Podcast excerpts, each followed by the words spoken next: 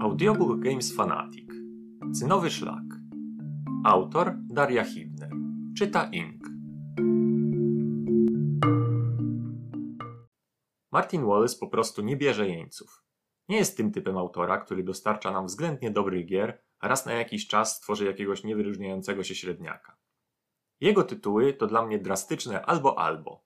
Albo hit, którym będę zagrywać się w nieskończoność, albo totalny gniot i wstyd mi w ogóle wyciągać go na stół.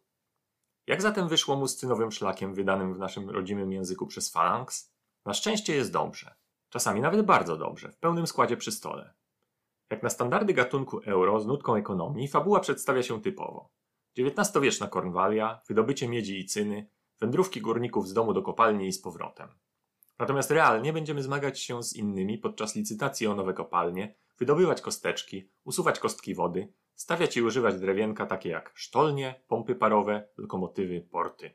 Czasem nawet wyślemy nasze pionki na odległe pola poza planszą lub zawęzimy dostępne nam możliwości przez wydobycie arszeniku. Niemniej opowiedzmy wszystko po kolei i w swoim czasie. Wydobycie rudy i sprzedaż pierogów. Zasady cynowego szlaku nie są skomplikowane. Od kilka prostych akcji, z których największym stopniem skomplikowania odznacza się budowa kopalni. Jednak nawet ona nie jest na tyle trudna, aby rozłożyła nas na łopatki, kiedy zagłębialibyśmy się w niej podczas czytania instrukcji. Pomimo tego, sama gra nie jest ani sztampowa, ani banalna, a zręczne połączenie kilku dobrze znanych mechanizmów sprawia nie tylko przyjemność, lecz także satysfakcję, gdy nasze ruchy doprowadzą nas do zwycięstwa. Naszym głównym celem jest po prostu wygrać, czyli zdobyć jak najwięcej punktów zwycięstwa. Jednak drogi prowadzące do jego osiągnięcia są różne. Ważne w tym wszystkim jest to, aby zachować balans między posiadanymi pieniędzmi a punktami. Poszczególne tury przebiegają w następujący sposób. Najpierw rzucamy kostkami, aby ustalić aktualne ceny miedzi oraz cyny. Mechanizm prostacki, ale sprawia, że stosunkowo niewielkie staje się ryzyko kuli śnieżnej. Nie da się zgarnąć w pierwszej turze najlepszych kopalń, żeby już do końca rozgrywki ciągnąć z nich profity. Drastyczna obniżka cen może sprawić, że nasze szanse na zwycięstwo znikają gdzieś w nieznanym kierunku. Dlatego też cały czas trzeba być czujnym. Nie można spocząć na laurach z tym, co już mamy i zawsze trzeba mieć w zanadrzu trochę grosza, aby starczyło nam na nową kopalnię i wydobycie surowców. Następnie przechodzimy do fazy akcji, gdzie za wszystko będziemy płacić punktami pracy. Niektóre czynności są bardziej pracochłonne, sami rozumiecie. Oczywiście następny w kolejce jest ten, którego znacznik znajduje się na końcu toru. To też trzeba dobrze rozważyć, czy na pewno jest dla nas niezbędne, aby wykonać akurat to, co wymaga od nas przesunięcia się na nim dość daleko, przez co nasza kolejna tura może nastać późno. Decyzje te są nie tylko ważne, lecz także brzemienne w skutki. Niekiedy w naszych partiach bywało tak, że nadmierne szastanie pracą zarówno zmieniało całą sytuację na planszy, jak i pozwalało niektórym graczom odbić się od dna. Najważniejszą akcją jest oczywiście budowa kopalni.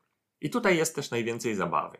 Większość graczy licytuje w ciemno o kafelki kopalni, choć gracz rozpoczynający może podejrzeć kafelek, o ile wcześniej zagrał mapę geologiczną, kartę z jakimś dodatkowym bonusem.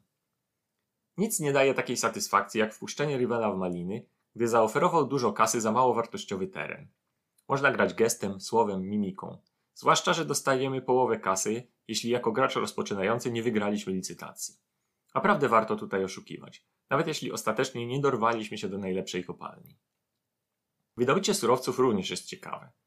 Nie tyle musimy po prostu zapłacić za kosteczki, o ile trzeba to wszystko przemnożyć przez wodę. Już tłumaczę. Nasze kopalnie odznaczają się konkretną siłą wydobywczą. Możemy ją zwiększyć poprzez podstawienie robotnika i lub innych narzędzi, np. pomp. Niemniej wydobycie jednej kostki kosztuje nas tyle, ile w danym momencie znajduje się tam kostek wody. Zatem będziemy poświęcać mnóstwo czasu na rozbudowę sztolni i usuwanie dokładanie kosteczek. A po zakończeniu akcji wydobycia i tak dołożymy tam jedną kosteczkę wody, więc liczcie i planujcie absolutnie wszystko. Szczególnie zwracajcie uwagę na kasę, bo ten, kto pierwszy spasuje, ten będzie miał dostęp do najlepszego przelicznika, zamieniającego zarobione przez nas pieniądze na punkty. Innej drogi nie ma. Fajnie jest zdobyć dużo punktów, ale czy na pewno starczy nam na wszystkie akcje, które zamierzamy wykonać w następnych rundach? I czy zdążymy na czas, aby dorwać się do dobrego przelicznika? Opcjonalnie zawsze czeka bieda akcja sprzedawania pierogów, która dostarczy Wam zawrotną kwotę jednego funta i rzadko cokolwiek zmienia. Wydobycie rudy i inne przypadki.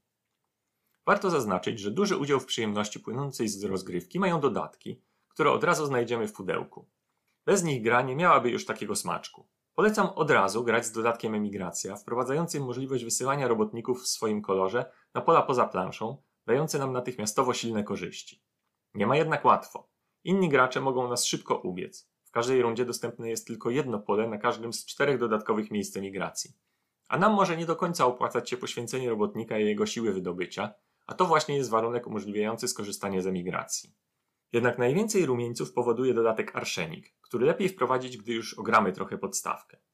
Wydobycie tego niebezpiecznego surowca daje nam łatwy dostęp do kasy, ale przy jego przetwarzaniu na stałe tracimy jeden z dostępnych nam punktów pracy. Czyli już do końca gry nasze możliwości są mocno zawężone. Czy zdecydujecie się na takie ryzyko? Przyznam się szczerze, że ja nie raz, nie dwa miałam nie lada zagwozdkę. I nie zawsze wybrane przeze mnie rozwiązanie było tym najlepszym. Cynowy szlak to tytuł zarówno emocjonujący, gdzie łatwo możemy oszukać innych, jak i skłaniający do myślenia i czynienia dalekosiężnych planów. Nie jest to zdecydowanie pasjans, gdyż patrzymy na rywali nie tylko wtedy, gdy musimy walczyć z nimi o kopalnie, lecz także wtedy, gdy staramy się im przeszkodzić w zdobywaniu najlepszych drewienek, przeliczników i miejsc na mapie. Nie wspominając już o interakcji zapewnionej przez dodatki.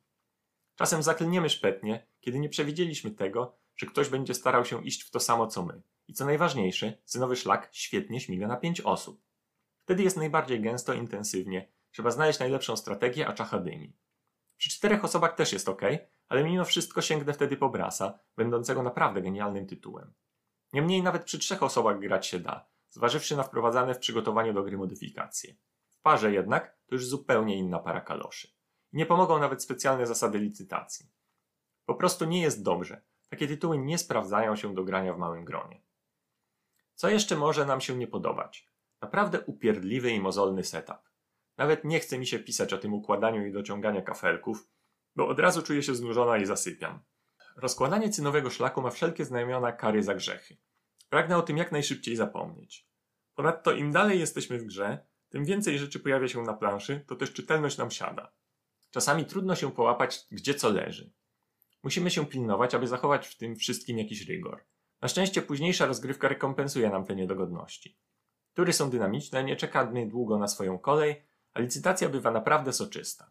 Synowy Szlak to bardzo dobry tytuł o prostych zasadach i niezbyt skomplikowanej ekonomii, która jednak pozwala na podejmowanie wielu nieoczywistych decyzji. Będziemy nie tylko starać się realizować naszą długofalową strategię, lecz także odpowiadać na poczyniania innych graczy. Licytacja zapewni nam sporo emocji, a satysfakcja z wpuszczenia innego gracza w maliny jest naprawdę ogromna. Reasumując, znajdziemy tutaj i sporo emocji, i sporo okazji do myślenia. Tym razem Martinowi wyszło. Nawet gdy starał się dostosować mechanizmy do historii górnictwa, nie ucierpiała na tym ani mechanika, ani nie ubyło z przyjemności. Plusy. Proste zasady, które pozwalają na wiele kombinowania. Licytacja, umożliwiająca nam zyski przy stracie innych graczy, co zawsze cieszy. System wykonywania akcji wpływający na podejmowane przez nas decyzje. Znajdziemy tu zarówno emocje, jak i sporo okazji do myślenia. Brak downtime'u, tury są błyskawiczne i dynamiczne, nawet w trakcie licytacji. Świetnie śmiga na pięciu graczy. Minusy.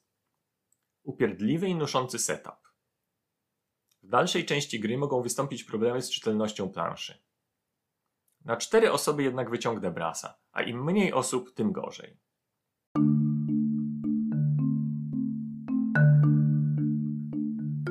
Więcej tekstów zapraszamy na gamesfanatic.pl.